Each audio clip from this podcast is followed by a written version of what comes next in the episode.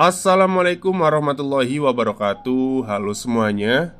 Jumpa lagi dengan saya Chow Sing Sing Kurator dari podcast Horror Night Story. Halo apa kabar semuanya? Semoga kalian semua baik-baik saja ya Dan seperti biasanya Pada hari ini saya kembali dan akan menghadirkan sebuah kisah mistis untuk kalian semua. Kisah mistis kali ini saya datangkan dari treat horornya Mas Kalong yang menceritakan uh, sebuah pondok. Cuman tidak bisa di spill ya pondoknya. Saya juga nggak tahu pondoknya di mana.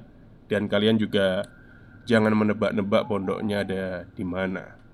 Jadi kejadian seram yang ada di sebuah pondok. Oke, daripada kita berlama-lama, mari kita simak ceritanya. Ya, Beginilah niatnya mondok mau cari ilmu agama Malah nemu hal munkar yang udah lama tersembunyi di pesantren itu. Sebenarnya bukan tempatnya Tapi ada penghuni di dalam tempat tersebut yang pernah ngelakuin hal biadab dan berusaha ia sembunyikan. Namanya Marlina. Dia salah satu santriwati di pondok pesantren ini Dulu, ketika mondok, dia menjadi korban bully karena bisu. Hal itu membuat Marlina ini mentalnya down sampai suatu ketika karena kekurangannya itu ada salah satu oknum yang juga pengurus pondok sekaligus pemuka agama melakukan tindakan yang gak bermoral kepada Marlina. Marlina dilecehkan di salah satu ruangan pondok. Sesaat setelah disuruh untuk mengembalikan buku hafalan, dia beranggapan dia bisu, jadi gak mungkin bisa bicara dan bersaksi di tahun dan tempat yang gak bisa disebutkan. Namanya Ahmad. Dia punya pengalaman horor ketika dia mondok di sebuah pesantren. Di sini Ahmad nggak bisa nyebutin nama lokasi dan tempatnya. Itu demi kebaikan bersama. Kalau kita dengar kata pondok pesantren, mungkin akan berpikir kalau di pondok pesantren itu tempatnya aman, damai, dan jauh dari kata munkar. Dan gak mungkin juga kalau ada setan atau hal-hal yang berbau mistis di sana. Kalau dipikir secara logika sih gitu ya. Pondok pesantren itu merupakan tempat untuk mendalami ilmu fikih Belajar ngaji dan tempat buat beribadah. Seperti Ahmad ini contohnya. Ahmad ini tipe orang yang bisa dibilang percaya sama hal yang goib. Karena yang membuatnya percaya akan adanya hantu dan semacamnya itu diawali ketika dia menginjak bangku SD. Dia bisa berinteraksi dengan sosok yang biasa kita sebut dengan nama Khodam. Jadi, jauh sebelum Ahmad ini mondok di pesantren, dulu pas dia lagi tidur, di mimpinya dia ditemui oleh sosok orang tua yang memakai sorban. Bisa dibilang Ahmad ini menjadi satu-satunya anak yang mendapatkan kepercayaan untuk diturunkan khodam dari leluhurnya. Namun, setelah Ahmad lulus dari SMP, sekalipun Ahmad tak pernah ketemu atau berinteraksi dengan makhluk tak kasat mata. Hal itu membuat Ahmad berpikir mungkin setan atau jin sudah bosan dengannya. Ternyata itu salah. Tepat saat Ahmad memutuskan untuk melanjutkan di pondok pesantren, barulah semua kejadian-kejadian mistis dan seram ia alami di sana. Dan yang lebih mengejutkan lagi, karena hoda miliknya, semua rahasia buruk yang tersimpan rapat di pondok pesantren itu mulai terungkap. Di sini saya cuma mau cerita sedikit aja ya, cerita pendek lah. Salah satunya kejadian di mana seorang pemuka agama yang ikut mengurus pondok pesantren melakukan tindakan keji atau nggak bermoral kepada seorang santriwati. Hal itu membuat santriwati itu stres sebelum akhirnya meninggal dunia gantung diri di belakang pondok. Sampai arwah dari santri itu menemui Ahmad dalam mimpi dan meminta tolong untuk diungkapkan semuanya. Semua itu bermula ketika Ahmad baru saja selesai dari sholat maghrib Yang biasanya ia melanjutkan tadarusan Tapi malam itu dia berniat untuk tidur lebih awal Bukan tanpa alasan Namun sudah tiga hari ini Ahmad merasakan badannya kurang sehat.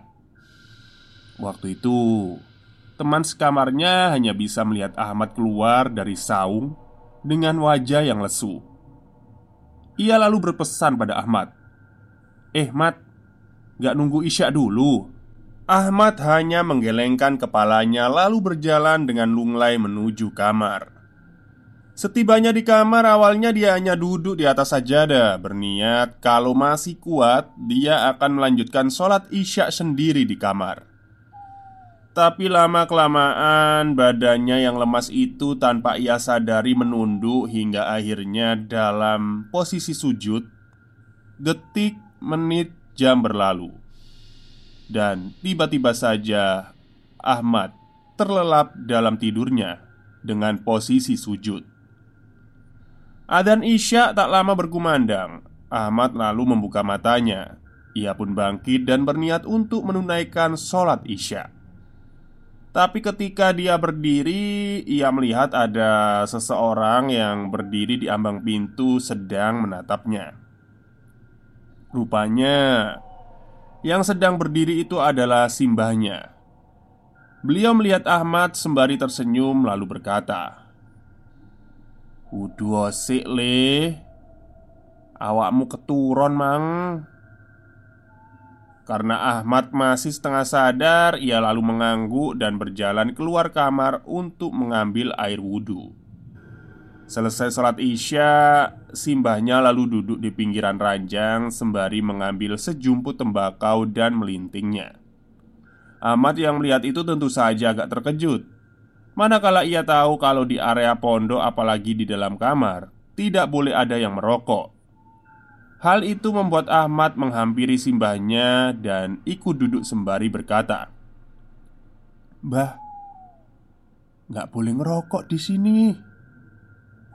Sejenak simbahnya menatap Ahmad sembari menganggukkan kepalanya dua kali Kemudian menyimpan lintingan itu di saku dadanya Le Ono sing arep ketemu awakmu. Ucapnya sambil mengalihkan pandangan ke arah pintu kamar. Ahmad yang mendengar itu pun ikut mengalihkan pandangannya ke arah pintu. Di sana dia tidak melihat apa pun kecuali pintu kayu berwarna coklat yang tertutup rapat.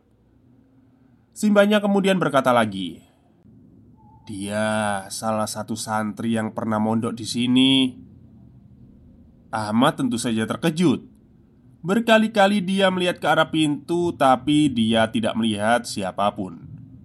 Kemudian Simba berdiri, berjalan ke arah pintu, lalu berbalik dan menatap Ahmad.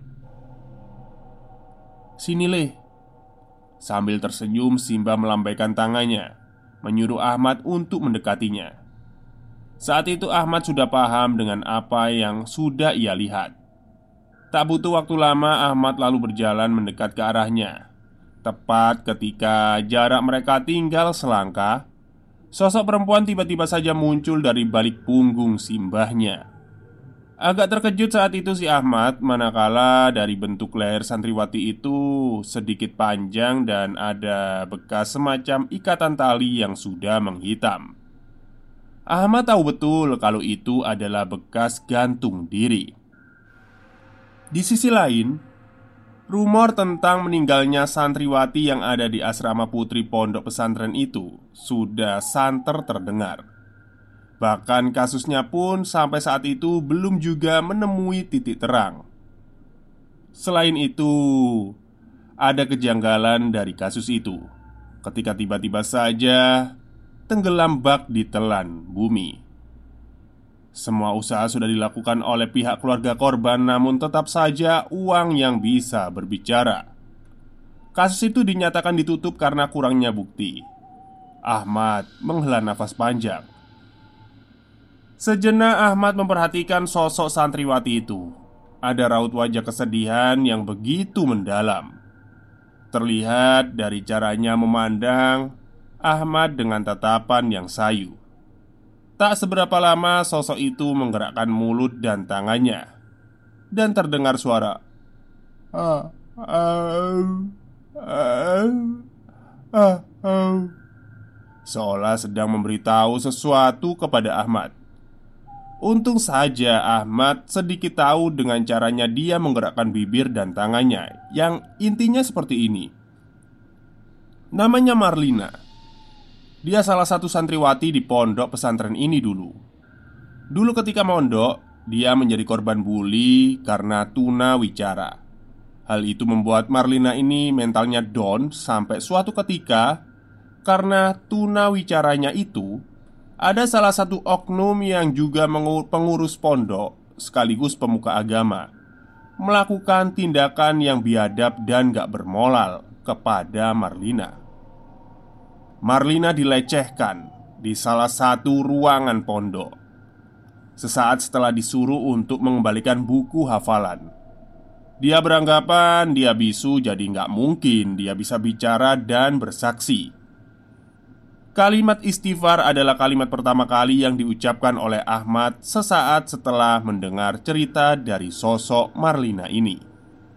Ahmad lalu menatap simbahnya dan kemudian menganggukkan kepalanya mengisyaratkan jika semua yang diceritakan oleh Marlina benar adanya. Lalu, Ahmad harus bagaimana? Waktu itu dia bingung sekali, sekaligus khawatir. Bingung karena belum tahu harus melakukan apa, dan khawatir jika nanti dia ketahuan. Musuhnya bukan satu orang saja, melainkan ada pihak lain di belakangnya. Sejenak, Ahmad berpikir, dan tak lama setelah mendapat bisikan dari simbahnya, Ahmad mengangguk paham. Waktu itu Marlina memberikan beberapa kepingan-kepingan ingatan masa lalu di mana ia pernah disekap dan beberapa barang bukti yang masih disimpan rapat-rapat oleh orang tua Marlina. Setidaknya itu cukup untuk membuat pelaku ketar-ketir. Dan entah bagaimana menjelaskan fenomena ini, namun ketika Ahmad membuka pintu kamar, Tiba-tiba saja Ahmad sudah berada di sebuah rumah sederhana Bukan lagi di kamar asrama putra pondok pesantren Ahmad berjalan mengikuti Marlina masuk ke dalam kamar dan di sana ada sebuah lemari kayu. Marlina menunjuknya. Ahmad lalu mendekat ke arah lemari dan membukanya. Anehnya, yang harusnya di dalam lemari itu banyak pakaian, tapi waktu itu hanya ada kain kusut berwarna merah muda terlipat dengan rapi. Ahmad mengambilnya dan menghentangkan kain itu.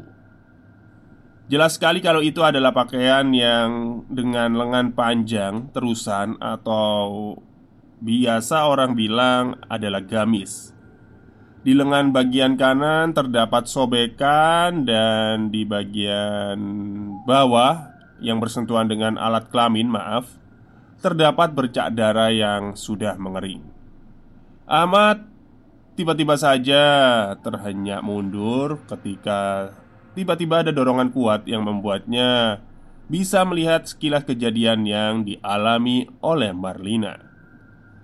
Sepersekian detik itulah yang dimanfaatkan Ahmad untuk melihat wajah pelaku Sosok lelaki Berusia 60 tahunan Mempunyai brewok agak tebal dan berwajah oval Memiliki mata lebih sipit dan paling mengejutkan, lelaki itu mempunyai tanda lahir yang jelas sekali terlihat di wajahnya. Seketika itulah, pikiran Ahmad langsung tertuju pada seseorang yang ada di pondok pesantren ini. Tangannya lalu menggenggam erat kain itu Wajahnya berubah menegang dengan raut muka merah padam sebelum akhirnya bergumam lirih Bajingan kelakuanmu Eh, tenang nosik pikiranmu le Ojo buru-buru Ojo sampai kejadian ini malah membuatmu melakukan kejahatan dan mati rasa Begitulah kurang lebih sosok Simbah yang menenangkan Ahmad yang sudah terlanjur emosi. Sekali lagi, kalimat istighfar kembali terucap. Ia tahu betul dengan mengucap kalimat itu setidaknya dia bisa sedikit lebih tenang. Setelah itu, terdengar suara Marlina memanggil. "Ai, ai!" Ahmad menoleh. Di sana Marlina menunjuk sebuah pintu kamar Ahmad lalu berjalan ke arah pintu lalu membukanya Lagi-lagi fenomena ini terulang kembali. Ahmad sudah berada di sebuah ruangan yang jelas-jelas ia tahu. Itu adalah ruangan di salah satu pondok pesantren ini. Tempat di mana dulu? Marlina. Dilecehkan beberapa puluh tahun yang lalu. Tapi ada yang beda karena pondok itu sudah direnovasi. Membuat ruangan itu sedikit menjadi berubah. Ahmad sejenak terdiam sembari menyapu sekeliling ruangan dan tak ada yang aneh, semuanya masih aman. Lemari rak kayu yang berisi Al-Quran dan beberapa buku hafalan meja kursi juga masih di tempatnya. Pandangan Ahmad baru terhenti ketika melihat foto lelaki tua memakai pakaian putih layaknya seperti pemuka agama sedang berjabat tangan dengan orang penting. Seketika raut wajahnya berubah merah padam. Ingin rasanya Ahmad waktu itu mengobrak-abrik, tapi terus tertahan oleh gelengan kepala simbahnya. Ia lalu berjalan, masuk mengikuti Marlina. Marlina baru menghentikan langkahnya ketika sampai di depan sebuah lemari rak kayu. Marlina berbalik dan menatap Ahmad dalam-dalam sebelum akhirnya menangis terisak. Suara tangisan itu begitu menyayat hati Ahmad. Tak lama Marlina menunjuk sebuah buku hafalan. Seperti sebelumnya, Ahmad mengambilnya dan kejadian sama kembali terulang. Kilatan memori Marlina terlintas di kepala Ahmad dengan begitu jelas. Bagaimana dia meronta minta ampun, tapi apa daya kekuatannya tak sebanding dengan lelaki itu. Marlina terduduk di sudut ruangan menangis Sebelum akhirnya lelaki itu melakukannya. Ada ucapan yang sempat Ahmad dengar sebelum ia tak sadarkan diri. Diam ya nduk. Setelah ini kamu aman. Gak ada lagi yang berani ngolok-ngolok kamu. Percaya ya sama Yain, Duk Setelah itu Ahmad terdiam Tubuhnya tiba-tiba saja merinding ketika ada hembusan angin yang seperti menerpa tubuhnya. Ia tahu di mana tempat itu Ia mengenalinya. Jalan ini tidak salah lagi adalah jalan menuju ke arah belakang pondok pesantren. Lebih tepatnya di belakang gedung asrama putri Marlina kemudian berhenti menunjuk ke sebuah pohon mangga yang rimbun. Tepat saat Ahmad mengarahkan pandangannya ke sana, satu sosok wanita sudah tergantung dengan lidah yang sudah menjulur. Itu adalah Marlina. Sebelum akhirnya Ahmad berteriak dan seketika ia terlonjak dengan badan yang terpelanting karena sesuatu yang mendorongnya. Saat itulah Ahmad melihat Mustafa, teman satu kamarnya yang ikut terkejut. Ahmad sadar dengan sekujur tubuhnya yang dibasahi oleh keringat. Hampir seperti orang yang baru saja disiram dengan satu ember air. Apalagi dengan berkumpulnya para pengurus pondok yang juga ikut melantunkan ayat-ayat suci Al-Quran. Siang itu, setelah semuanya kembali tenang, Ahmad menceritakan semuanya mulai dari ketemu simbahnya, Marlina, dan semua rahasia pondok pesantren disimpan rapat. Mustafa menghela nafas panjang. Dia juga sudah tahu tentang rahasia itu. Bahkan waktu itu dia juga harus bingung harus melakukan apa. Tapi di sini Ahmad tidak diceritakan secara detail. Tapi dengan seiring berjalannya waktu, tepat sebelum Ahmad lulus, dia bersama Mustafa dan santri lain sedikit lebih sedikit mengungkap kebusukan oknum itu di atas tindakan mungkar dan tindakan kejahatannya di muka umum. Kasus ini dulu pernah diberitakan, hanya saja nggak sampai viral karena dalam tanda kutip orang dalam dan ada uang. Tapi Ahmad setidaknya bisa bernafas lega karena kebusukan orang itu akhirnya diketahui banyak orang dan sempat beberapa waktu pondok itu sepi namun akhirnya kembali ramai seperti saat ini. Pelaku juga sudah dikeluarkan sebelum akhirnya meninggal dunia. Selesai. Disclaimer jangan asal nebak lokasinya dan tempatnya ya, matur nuwun. Oke. Itulah kisah Marlina Marlina atau Herlina ya Kalau yang pernah saya uh, Yang ragi rame itu ya Di Waktu dulu di Facebook atau apa itu Herlina ya Tapi ya sama ceritanya sih Cuman Ada beberapa versi yang mengatakan Ya pokoknya beda-beda ya. Ada yang mengatakan gini, saya yang pernah saya dengar itu uh, Herlina ini Herlina ini mondok terus kayak ya dilecehkan tapi bukan sama Yai ya, sama pengurus pondok pengurus pondok gitu. Tiba-tiba waktu dilecehkan itu dia itu jatuh dari tangga ya kepleset lah Terus meninggal Lah waktu meninggal itu karena takut. Akhirnya sama pengurus pondok Mayatnya disembunyikan di belakang gedung. Dikubur di sana lah intinya Kayak gitu. Ya setelah itu pondok jadi angker Kayak gitu kan Terus setelah ada kejadian itu akhirnya keluarga kan nyari si Erina ini. Dicari dicari dicari kok nggak ada?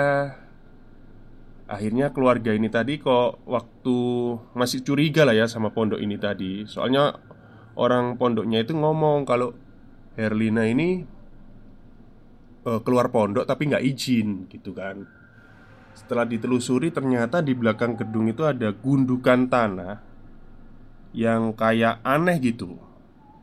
Akhirnya pihak keluarga minta digali. Setelah minta digali ternyata ditemukan jasad Herlina di sana. Diambillah jasad itu. Rame Pokoknya datangin polisi Tapi nggak ada yang ketangkep Karena nggak ada Ya waktu itu ya nggak ada CCTV nggak ada saksi nggak ada apa. Tapi kan namanya orang tua kan kayak jengkel ya. Saya ini nitipin anak saya di sini tuh untuk dididik lah intinya. Kok malah jadi seperti ini gitu kan. Akhirnya dibawa pulang Tapi karena orang tuanya nggak terima Si jenazah Herlina ini dibawa ke seorang dukun sakti Di daerah mana gitu Dan dihidupkan kembali. Tapi yang masuk ke raganya Herlina ini bukan arwahnya Herlina ya alias jin gitu. Jin yang jahat lah. Nah setelah itu Si Herlina dihidupkan kembali Terus kembali ke pondok. Sama orang tuanya dikembalikan ke pondok gitu Ya niatnya memang sama orang tuanya itu Pengen ngobrak ngabrik itu pondok Terus nemuin pelakunya siapa gitu kan. Nah setelah ma masuk ke pondok Kaget semua dong pengurus pondok termasuk orang-orang yang tahu loh Bukannya sudah meninggal ya kemarin ya? Itu kan. Terus banyak isu ah mungkin mati suri atau apa. Itu sih cerita yang pernah saya dengar. Dan akhirnya Saya kurang tahu akhirnya ya Apakah pengurus pondok itu nanti Mati atau tertangkap atau gimana Yang saya tahu sampai Si jenazahnya Herlina ini kembali hidup Dan kembali ke pondoknya itu Oke, mungkin itu saja cerita untuk hari ini. Semoga kalian semua suka. Wassalamualaikum warahmatullahi wabarakatuh.